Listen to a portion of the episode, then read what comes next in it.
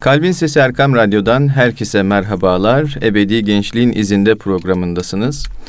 Gençlikten, gençlerden, gençliğin hallerinden bahsettiğimiz programımızı Uluslararası Genç Derneği Başkanı ve Genç Dergisi Editörü Süleyman Ragıp Yazıcılar abiyle birlikte yapıyoruz. Abi hoş geldiniz. Hoş bulduk Furkan. Hayırlara vesile olsun şimdiden. İnşallah. E, bu hafta üç ayları konuşacağız. E, yine gençlikle bağlantılı bir şekilde bir gencin üç aylar gündemi nasıl olması gerekir? Bir genç olarak ben üç ayları nasıl idrak edebilirim? Dilerseniz hasbihalimize buradan başlayalım abi. İnşallah gerçekten de e, aslında hayatımızın en kıymetli dönemleri içindeyiz şu an itibariyle. Çünkü Recep ayına kavuştuk. Regaib kandilini geride bırakmış olduk. Cenab-ı Allah'tan duamız aynı Peygamber Efendimizin yaptığı duanın e, şumuline dahildir bütün dualarımız. O da Recep ayı başlar başlamaz Ya Rabbi Recep'i ve Şaban'ı bize mübarek kıl ve bizi Ramazan'a ulaştır diye dua edermiş. Bizim de duamız öncelikle budur. Allahü Teala içinde bulunduğumuz Recep ayını e, bize mübarek kılsın. Ardından Şaban ayına erişmeyi ve en sonunda da muradımız olan, asıl maksat olan Ramazan'a kavuşmayı Cenab-ı Hak hepimize nasip eylesin.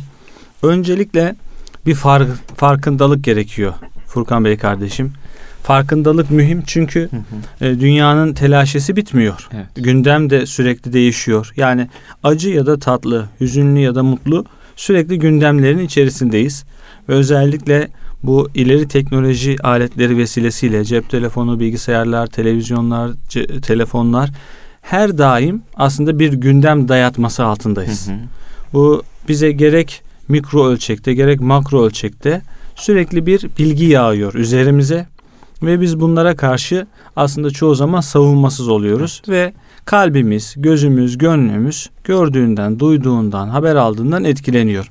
Üç aylarla ilgili öncelikle bir kalkan aslında e, bir kalkan inşa etmemiz lazım. O da şu, ben Müslümanım, özellikle gençsem eğer benim bir duruşum var, benim bir vakarım var, benim bir inancım var, imanım var.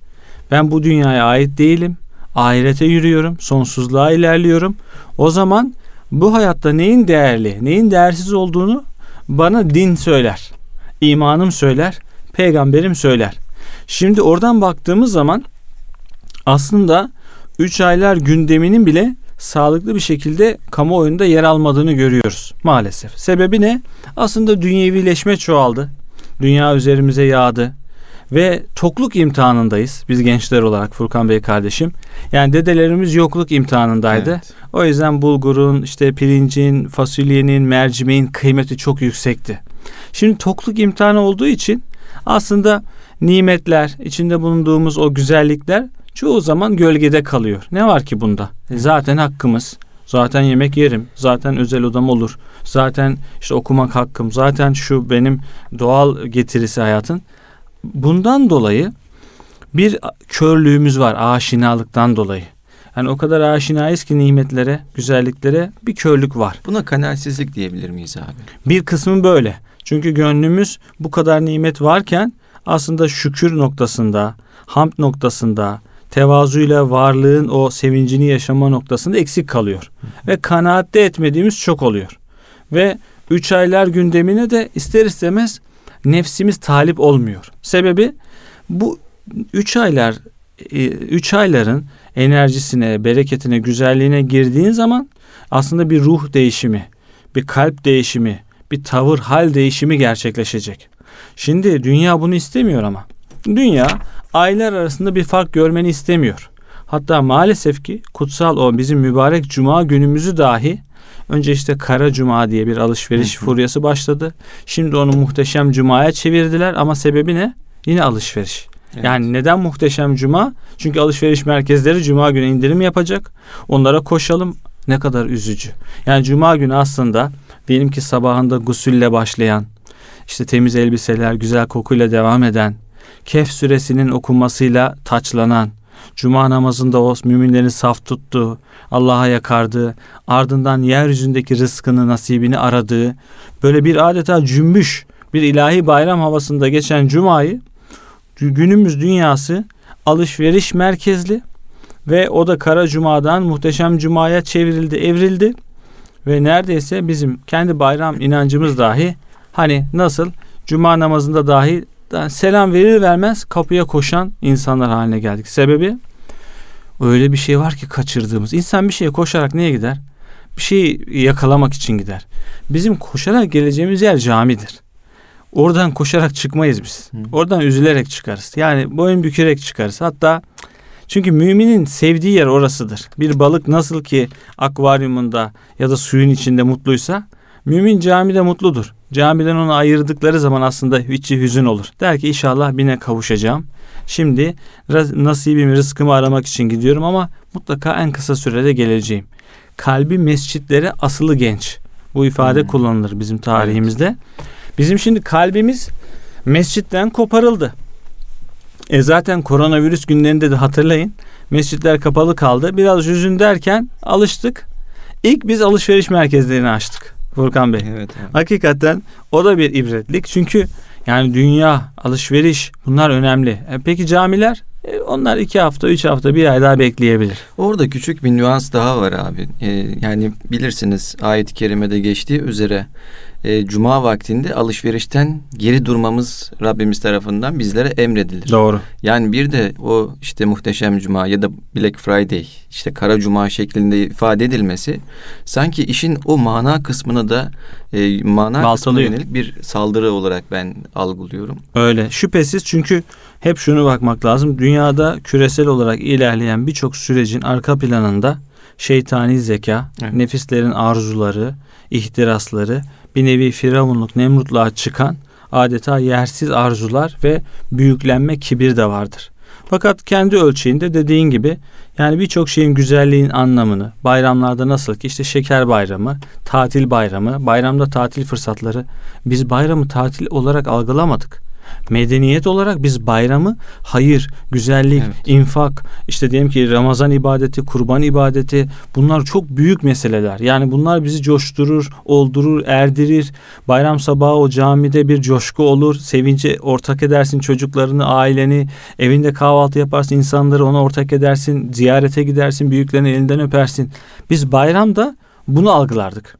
Fakat bakın yıllar nasıl değişe değişe şimdi bayram gelmeden tatil yerini ayarlıyoruz. Tatil planlarımızı yapıyoruz. Ve Sebebi, olanaklar da hep gençlere yönelik sanki. Evet. Yani o kapitalist dünya Doğru. seslenirken yani çocuklara ve yaşlılara yönelik değil. Daha çok genç olarak nitelendirdiğimiz kesimi hedef alarak. işte o bayram tatilleri işte e, alışveriş kampanyaları vesaire yani ben izlediğim zaman doğrusunu isterseniz sanki fantastik bir evren var ve beni çekiyor gibi geliyor. Ve sen düşün bu kadar dayatma, bu kadar diyelim ki propaganda karşısında 3 e, ayları gündemine alman çok daha zor. Sebebi 3 aylar yani 3 ay 90 gün. Bu 90 günlük zaman dilimini Cenab-ı Hak kalbin, ruhun, aklın, fikrin hazırlığı için seni adeta böyle bir o diğer 9 ayda yani bu 3 ayda öyle güzel geçir ki Diğer 9 ayda bugünlerin nuru, bereketi, güzelliği yayılsın. Manevi ikmal. Evet. Dönemi. Peki şimdi dediğin gibi bütün propaganda, menfi telkin senin üzerinde. E sen zaten bayramı kaçırdın. Cuma'ya gitmedin. E, Ramazan'la ilgili de derdin yok. Ramazan çünkü çoğu zaman nasıl algılanabiliyor menfi olarak? Yani oruç, açlık, susuzluk, stres, sıkıntı, öfke falan. Doğru mu? Halbuki korkunç. Bizim dinimiz, imanımız, inancımız biz Ramazan'a yalvara yalvara gireriz. Allah'ım hani beni kavuştur. Şu an mesela Recep ayındayız. Hı hı. En büyük arzumuz bu. Yani yat kalk duamız bu, yakarışımız bu. Sebebi o 11 ayın sultanı. İçinde bin aydan hayırlı bir gece var. Ramazan'da Kur'an tenzil olmuş. Yeryüzü semasına gelmiş, indirilmiş.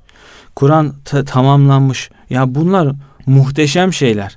Bunlar inanılmaz güzel lütuflar insan için, kul için. Şimdi Özellikle idrak noktasında farkındalığa ihtiyacımız var. Hı.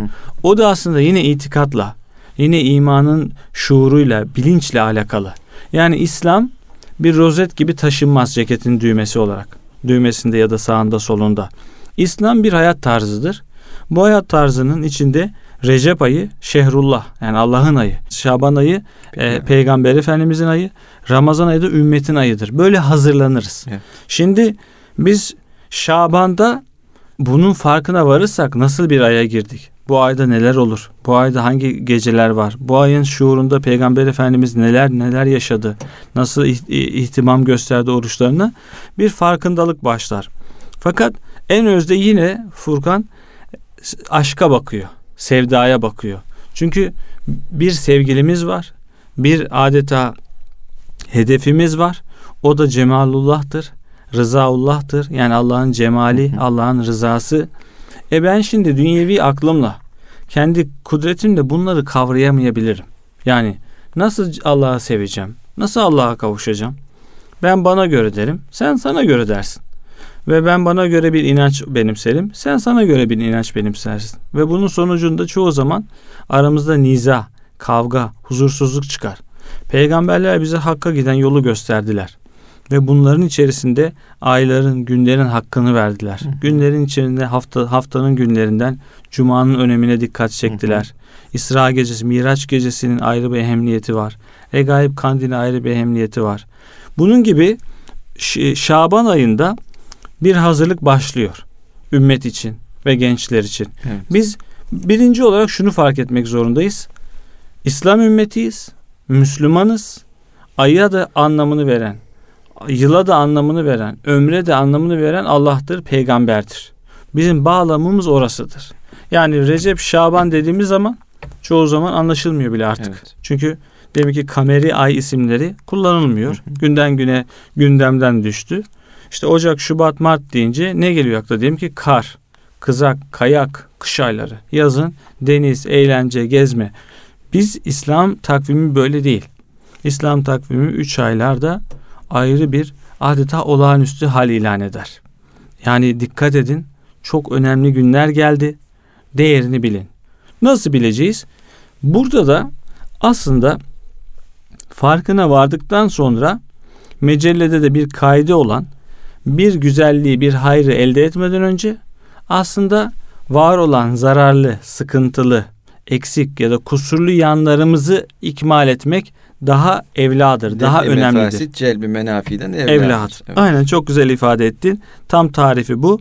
Bu şu demek, şimdi bir hazırlık yapacağız ama sağ solumuz dökülüyor.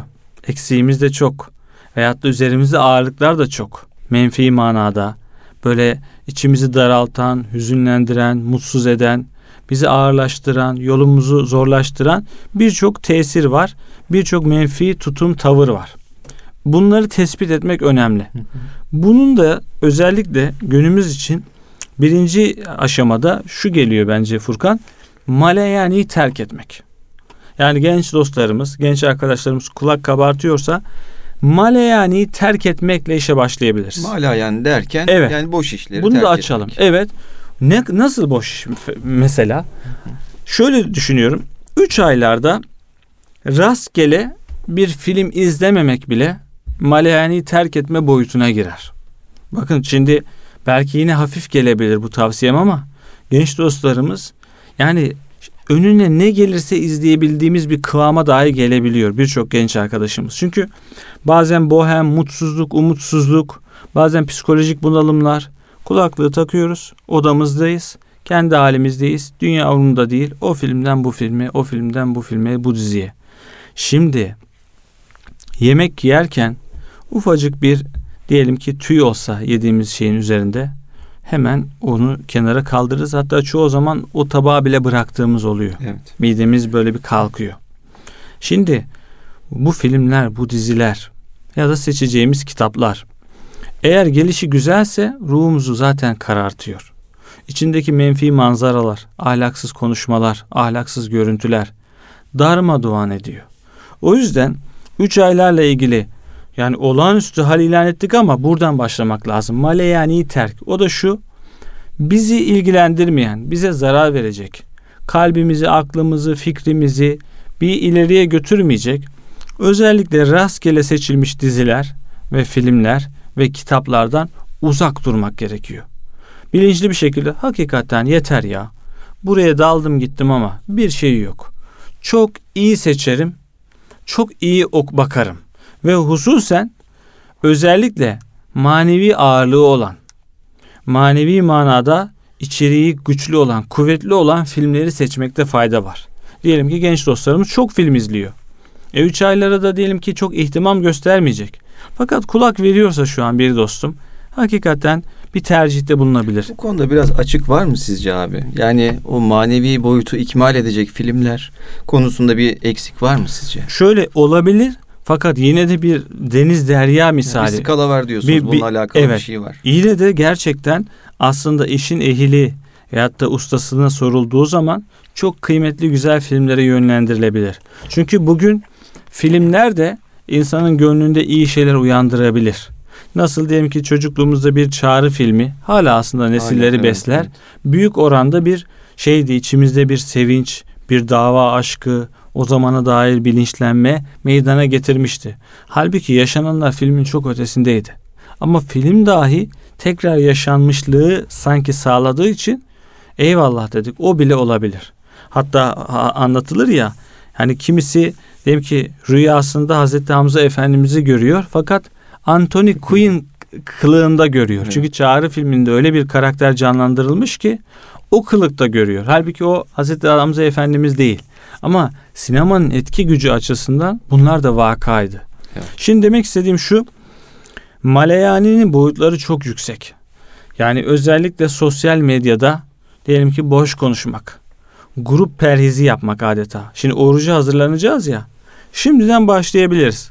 Bizi aslında ilgilendirmeyen, çok boş konuşulan, her daim işte makara, gırgır yapılan, birbirini insanların incittiği, bir, birileri hakkında alay ettiği gruplara hayır diyebilelim. Bu önemli bir duruştur. Hayır. Sizinle yolumu burada ayırıyorum. Recep ayındayım. Şaban'a ermek istiyorum ve Ramazan'a ereceğim. Ben Recep'ten başlıyorum. Şu grupları artık istemiyorum. Şu gruplardan bir kendimi çıkartayım. Şu sosyal medya hesaplarını takip etmeyeyim. Falan küfürbaz, falan ahlaksız, falan sinir bozucu adamı ya da kadını takip etmeyeyim. Çünkü bunları da yapamazsak biz iyilikleri kazanma noktasında ve iyilikleri yürüme noktasında yine eksik kalacağız. İrademizle ve bilinçli tercihle biraz da seçkinci davranarak yeter. Yıllardır diyelim ki yaptığım bazı işler var. Girdiğim gruplar, konuştuğum konular. Bunların bir faydası yok. Çoğunun zararı var. Çoğu havaya gidiyor. Çoğu havanda su dövmek gibi. Yani ne bir eser çıkıyor ortaya ne bir kazancımız var. Ortada ne var? Eğlendik. Belki kayıp da var. Yani Kayıp çok var. daha büyük bir mesele. Evet kayıp da var. Çünkü aslında genç dostlarımızın çok gruplarında aslında diyelim ki amaçsız paylaşım çok. Ahlaksız paylaşım çok. Eğlenelim gülelim diye fazla abartılabiliyor. Şimdi bunun sınırı da var. Bir sınırı geçtikten sonra vakit kaybı, israfı oluyor. Şimdi bir bardak suyu döksek yere ona bile içimiz acıyor. Ama su çok bol olsun. Bir bardak su. Suya da hürmetsizlik yapma. İnancımız bu yöndedir. Evet. E şimdi en kıymetli vakitlerimizi telefonda, WhatsApp gruplarında, BIP gruplarında, Telegram gruplarında geçiriyoruz ve çoğunda da fayda alamıyoruz. Faydalılar için de bir şey söylemiyorum ama onun bile ölçüsünü aşanı yine zarar. Çünkü haşa yeryüzündeki yaratılış gayemiz sürekli online iletişim, etkileşim değil. Yani ben sürekli ulaşılabilir, sürekli etkileşim içinde, sürekli mesajlaşma halinde bir varlık olamam. Benim bu ilişkiyi kurabileceğim tek varlık Allah'tır. O da dua ve niyaz halinde ya da zikir halinde olursam onunla hep bir sonsuz aşkın iletişim kurarım. Ama bunun dışında her dakika sabahın köründe yatsının işte diyelim ki en tenha köşesinde sürekli iletişim, sürekli mesajlaşma, sürekli bir uyarı, sürekli bir dürtü, sürekli bir beğenme, beğenilme, hesabını kontrol etme, ne oldu ne bitti diye bakma. Bu nereye götürüyor bizi? Asıl değerli olan ve kıymetli olanı kaçırmaya sebep oluyoruz. Diyelim ki işte cuma gününün kendi diyelim ki beklentileri var. O gusüldür, kef süresidir, işte anne babana bir hürmettir vesaire, akrabaya yardımdır. E yüzde seksen bunlar boş geçiyor. Hı hı. Ama diğerleri boş geçmiyor. O yüzden ilk olarak maleyani, boş olan, değersiz olan, kalbi sürekli meşgul eden her şeye karşı bir tavır, bir duruş sergilemek lazım. Ve orada da sert olmak lazım. Üç aylardayız. Kontrol edeceksin, acıtacak içini. Ya şu gruptan da çıkıyorum. Arkadaşlar inşallah Ramazan sonrası görüşürüz. Ya ne yapıyorsun arkadaşım? Eyvallah. Bu dünyada arkadaşlıklar çok iyi ama bir yere götürmüyor beni. Ben bir yol seçtim. Üç aylık önemli bir planım var. Şimdi gerçekten öyle bazen üç aylık dil kursuna gidenleri görürsünüz. Ya da farklı yerlere. Kariyeri için bazen her şeyi yok ediyor. Diyor ki tek kelime Türkçe konuşmayacağım. Türkçe, Türklerle ilişkimi keseceğim. Niye? Ben artık yeni bir dili öğreneceğim. Yeni bir moda giriyor. Yeni arkadaşlar ediniyor. Sebebi ne? Diyor ki bu bana çok lazım olacak. Evet. İleride çok lazım. E şimdi daha da lazım aslında. Yani üç aylarda elde etmemiz gereken maneviyat bize çok daha da lazım. Çünkü faniyiz fakat yok olmayacağız. Sonsuz bir hayata gideceğiz. İleriyen o sonsuz hayatta bana bu aydaki sevaplar lazım, şuur lazım, okuduğum Kur'an lazım, okuduğum hadisler lazım. O zaman iyiliklere, güzelliklere gitmek istiyorsak arka tarafta adeta bu diyelim ki çuvalı altındaki delik neresi? Yani biz çuvala bir sürü güzellik doldurduk ama sürekli eriyor. E neden? Bir delik var. O delik ne? Maleyani. Boş işler, anlamsız koşturmalar, lüzumsuz konuşmalar ve sürekli böyle online etkileşim ve iletişim halinde olmamız ve buralarla ilgili de bir türlü iradeyle duruş sahibi olup net karar veremememiz. Can acıtsın. Biraz insanlar garipsesin. Hiç sıkıntı yok. Akıyor o mecra. Üç ay sonra gel hiçbir şey kaybetmedin. Herkes der ki hoş geldin devam et. Burası akıyor. E sen ne yaptın? Üç ay kendini kurtardın. Evet. Üç ay bilinçlendin demektir Furkan. Evet abi dilerseniz kısa bir ara verelim. Ardından sohbetimize devam edelim. Kıymetli dinleyicilerimiz e, Süleyman Ragıp Yazıcılar abiyle sohbetimize aradan sonra devam edeceğiz. Bu zaman dilimine kadar e, gençlerin 3 aylar noktasında, 3 aylar içerisinde nasıl bir idrake sahip olmaları gerektiği ile alakalı biraz konuştuk. Ve en, en son aslında çok güzel bir noktaya bağladık. Yani o kararlılık boyutunu. Dilerseniz aradan sonra sohbetimize devam edelim. Huzur bulacağınız ve huzurla dinleyeceğiniz bir frekans. Erkam Radyo, Kalbin Sesi. Değerli dinleyicilerimiz, Ebedi Gençliğin izinde programı devam ediyor. Ee, Bundan önceki bölümde suni gün- gündemlerden sıyrılıp asli gündeme e, kavuşma mevsimi 3 ayları konuşuyorduk. Ee, Ve gençlik özelinde gençlerin nasıl bir tavır sergilemesi gerektiğini konuşuyorduk. Malayaniden uzak durmalarını, özellikle şu mevsimde manen bir perhize girmeleri gerektiğini konuşuyorduk. Belki bu noktada abi yani bir genç olarak ben Nasıl bunlardan ele tek çekeceğim? Nasıl bir perhize gireceğim? Bunu birazcık konuşmak lazım. Yani nasıl nasıl yapabilirim ben bunu? O zaman pratik olarak işte hayatımıza diyelim ki 3 aylarla ilgili belki bir 10 hedef koymakta fayda var. Diyelim ki herkes. Yani bir listemiz olsun. Bir diyorsunuz. liste. Çünkü gençken listeler işe de yarıyor. Hı hı. Hedef koyma noktasında veyahut da kendi yolumuzu görme noktasında. Şimdi malumunuz üniversite örgün eğitimi belki daha açılmayacak gibi. Yani belki şu an daha 2 ay 3 ay sonraya ertelenebilir pandemiden dolayı. Hı hı. Büyük oranda evlerinde arkadaşlarımız. E sokağa çıkma yasakları da bazen esnetiliyor, bazen gevşiyor. Onun da durumu tam belli değil.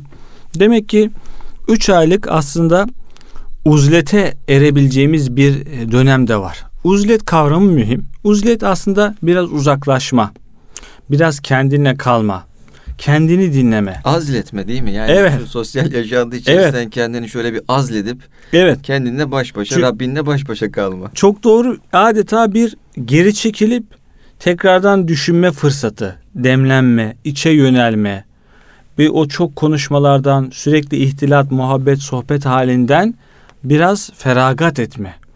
Bu dönem için iletişimciler uzletin yitirilişi kavramını kullanıyor. Hı. Yani o kadar fazla iletişim ve etkileşim ağı içindeyiz ki kişinin uzlete ermesi mümkün değil. Geceliğin 3'te teheccüde kalkan biri bile Instagram hesabına Rabbimle baş başayım diye fotoğraf koyduğu zaman aslında o orada baş başa olmuş olmuyor. Yani yine bizimle paylaşıyor, bizi de şahit kılıyor. Küçük bir parantez açmak Buyurun. istiyorum abi. Yani bunda bu örneği de özellikle zikretmek istedim. E, gerek dünyadan gerek ülkemizden hani sosyal medya, medya fenomenlerini görüyoruz. aslında her anları e, sosyal medyada bir şeyi paylaşmakla geçiyor. Ancak bir müddet sonra büyük bir boşluğa düştüklerini ve kalabalıklar içerisinde yalnız aslında olduklarını ve bir müddet sonra maalesef hayatlarına son bile verebiliyorlar. Yani bu insanlar nasıl e, Bir dram bu Furkan. ya bu nasıl yalnızlık? Halbuki bakıyorsunuz devamlı arkadaşlarıyla bir şeyler paylaşıyorlar. Bir yerde buluşmalarını atıyorlar. E, sosyal medyada zaten çeşitli yayınlarla hep onlarla birlikteler. Ama e, işin arka planında o yalnızlıktan bahsediyorlar. Bu nasıl mümkün oluyor? Bu mümkün çünkü aslında fıtratımız yani yaratılışımız sadece Allah'la tatmin olacak bir kapasitede yaratıldı. Yani kişi Allah'la ilişki kurarsa, Allah'a kulluk ederse, Allah'ı tanırsa ve onun yolunda yürürse artık dediğimiz gibi kalabalıklar içinde de mutludur. Yapayalnızken de mutludur. Hatta hususen belki yalnızken daha mutludur. Çünkü Rabbi ile hususi ilişkisini daha da ilerletebilir. Şimdi günümüzün dramı da biraz bu. Her şey var, anlam az. Nimetler çok fakat hedefimiz neredeyse elimizden alındı. Kalabalık, etkileşim, iletişim çok iyiyiz. Fakat Allah'la tanışma, muhabbetullah ve marifetullah noktasında çok eksiyiz. Böyle olduğu için de aslında bazen antidepresan kullanımı çoğalıyor. Bazen intiharlar çoğalıyor. Bazen aile içi mutsuzluklar çoğalıyor. Bazen toplumsal gerilimler, kaoslar, çatışmalar, bazen de savaşlar, katliamlar, zulümler devam ediyor. Her boyutta aslında arkaya doğru gittiğimiz zaman bir yaşanmamışlık görüyoruz. Şimdi geçen Doğan Cüceloğlu rahmetli oldu Allah rahmet eylesin. O Erik Fromm için bir ondan bir alıntıyla der ki yani aslında yaşını yaşamamış, hayatını yaşamamış insanlar ileride bir mutsuzlukla karşılaşırlar. O yüzden yaşlı insanların çocuklara nefreti ya da mutlu gülen insanların nefretinde bu gizlidir. Kendisi o tatmin edemediği için o duyguları yaşlandıkça daha somurtur, daha mutsuz olur ve hayattan intikam almak ister. Ben bir adım daha öteye taşıyayım meseleyi. Aslında Allah'la da tanışamazsak mutsuzluğumuz hiç geçmeyecek. Allah'la da barışamazsak, Allah'la da bir muhabbet dostluk kuramazsak. Çünkü yaşını yaşa diyor Erik Fromm ama bizim aslında yaşamamız gereken o kulluğun güzelliği. Kulluğun şiiri adeta. Hı hı. Peygamber Efendimiz Allah'ın Resulü. Fakat abduhu ve rasuluhu. Kulluğunu biz önce zikrediyoruz. Yani şöyle düşünün bir gece kalkmış. Neredeyse secde ıslak. Ayakları şişmiş. Namaz kılıyor. Hazreti Ayşe annemiz diyor ki ya Resulallah geçmiş gelecek günahın bağışlandığı halde yani yeter yani daha ne kadar ibadet edeceksin? Yani daha neden böyle sürekli bu haldesin? O da diyor ki ya Ayşe şükreden bir kul olmayayım mı? Ne kadar güzel ne kadar hoş. Yani nübüvvetin tacı insanlığın adeta medar iftiharı. Yani o övünç ve sevinç sebebi insanlığın. O merhalede dahi diyor ki şükreden bir kul olmak istiyorum. Şimdi o demek ki nasıl bir zevk, nasıl bir huzur veriyor ki Peygamber Efendimiz'e hayatını öyle adadı. Ve bulunduğu her makam daha aşağı geldi ona. Devam etti yolculuğuna, devam etti, devam etti. Vefatında dahi Refiki Ala, en yüce dost, en yüce dost dedi. E zaten o dostla yıllardır birliktesin. Onunla hemdemsin, ilişki içindesin. Hayır. O peygamber ama yine de o en yüce dost. Ona kavuşma heyecanı içerisinde. Çünkü oldum, bittim, artık bitti ve ben kemale erdim demedi. Devam ediyor. Devam ediyor ilişkisi. Şimdi biz baktığımız zaman gençlere ne diyoruz? Oğlum ileride yaparsın, ileride kılarsın namazı. O hac, oruç bilmem ne ileride yaşlanınca. Sanki yaşlılık Ya, ibadeti gibi değil ya. mi? Hac Ama özellikle. ben gençken açım. Gençken muhtacım Allah'a. Gençken inanca muhtacım. Gençken irademi bile- bilemek istiyorum. Gençken Allah yolunda yürümek istiyorum. E şimdi baktığınız zaman menfi sevgilerde acayip öne gidiyorlar insanlar. Şimdi diyelim ki falan Kore pop sanatçıları var. Genç erkeklere de kızlara bakın. Onları savunur. Onlara söz söz getirmez. Onlara kötü bir şey söyle. Hemen arkasında durur. Der ki sen kimsin biz onu çok seviyoruz bak. 13-15 yaşında sevgisi uğruna fedakarlık yapabiliyor insanlar. Koşturuyor. Falan sanatçı Türkiye'ye gelecekti genç bir çocuk yine. Havalimanında beklediler gençler 13, 15, 17 yaş. Orada birisi ağlıyordu. Dedi ki Göremediniz galiba dedi mikrofonu uzatan sunucu. O olsun dedi. Onunla aynı yerde nefes alıyorum ya dedi. Bana bu yeter. Şimdi ilk başta tebessüm ettiriyor yani hayda ya bu ne? Bakın bu sevgi hakikat mertebesine ererse onu güzelliğe götürür. Fakat mecazda kalırsa onu perişan eder. Nitekim şarkılarımız o ulvi sözlerden o sufli sözlere e- inmiştir. Sebebi ne? Aşkımızı kaybettik. Abdurrahim Karakoç yar deyince al- kalem elden düşüyor. Gözlerim görmüyor, aklım şaşıyor. Lambada titreyen alev üşüyor. Aşk kağıda çizilmiyor mihriban Evet. demişti. Nasıl bir aşk bu? Bir alev üşüyor. Bunu hissediyorsun. Nasıl bir aşk? Şimdi nasıl sözler var? Çok affedersiniz. İşte Allah cezanı versin yar. Allah seni ne yapsın yar. Bu yar değil. İnsan yarine, sevdiğine bela okumaz. Onun cezasını istemez. Bu sufli seviyedeyiz artık. Niçin seviye düştü?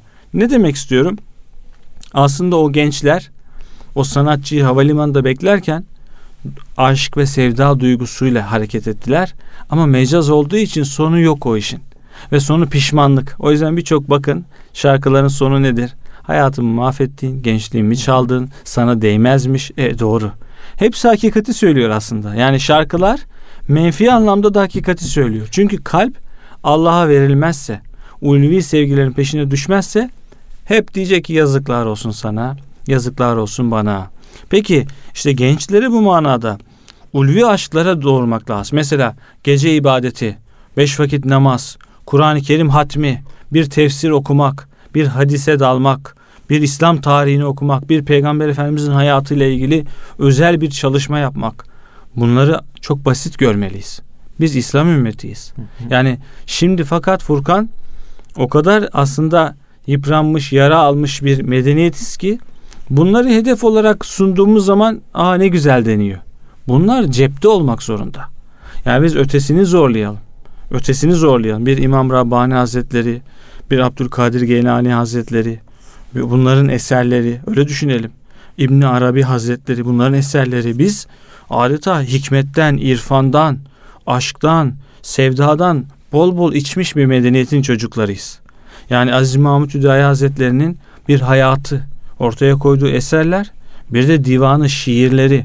Yani o kadar zor ve zor yani adeta hani kafa çatlatan böyle ufku böyle adeta titreten meseleleri ne kadar suhuletle, güzellikle ifade etmişler.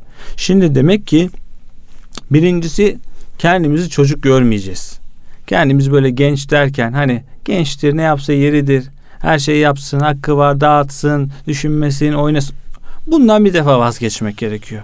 13-15'te başlar insanın kişiliği, e, kişiliği, kimliği yavaş yavaş şekillenmeye.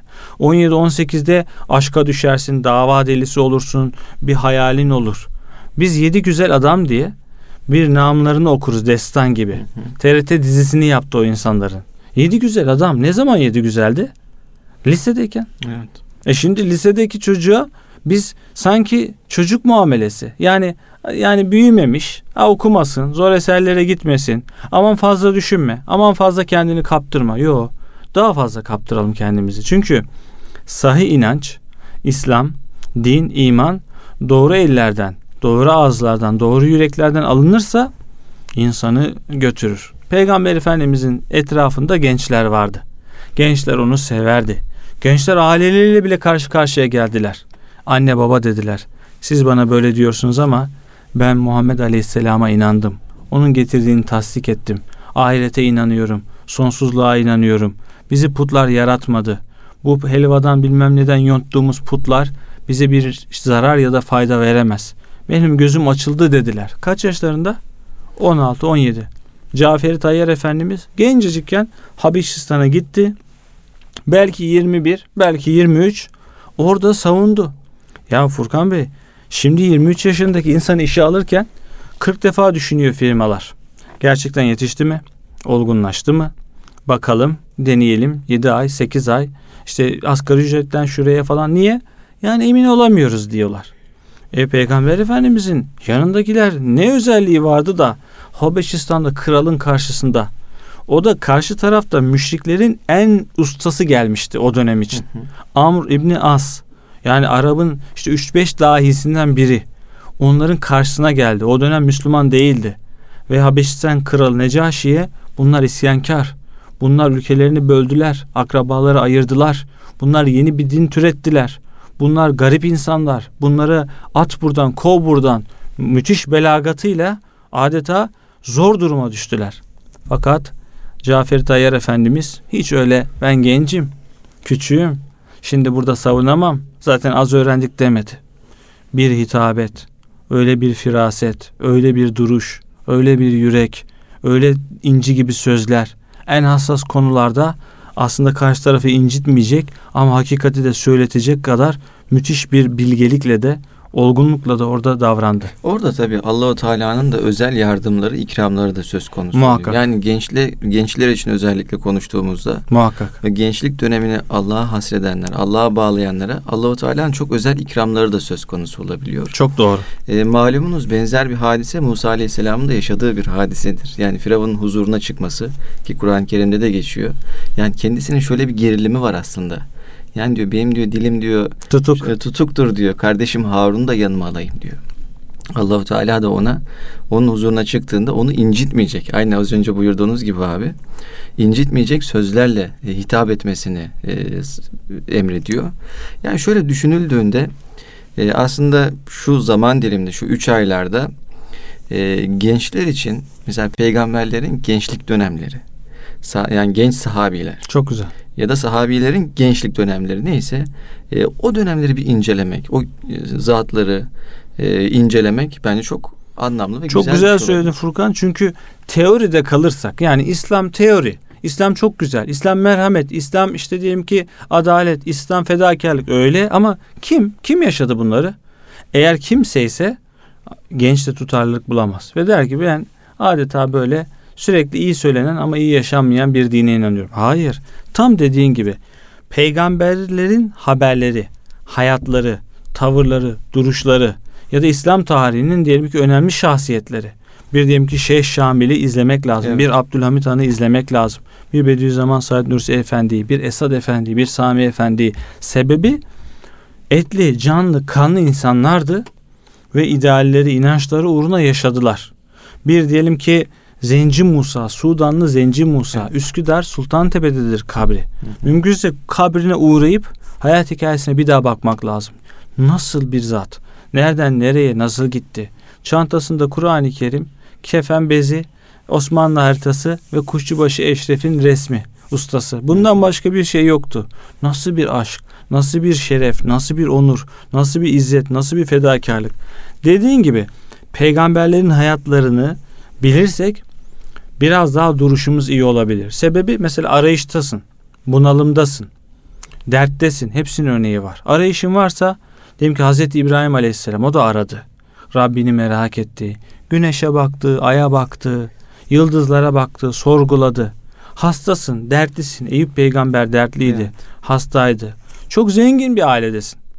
Ya Süleyman hocam anlatıyorsun ama bizde de varlık var ya. Yani ben bu kesmiyor bunlar tamam. Süleyman peygamber.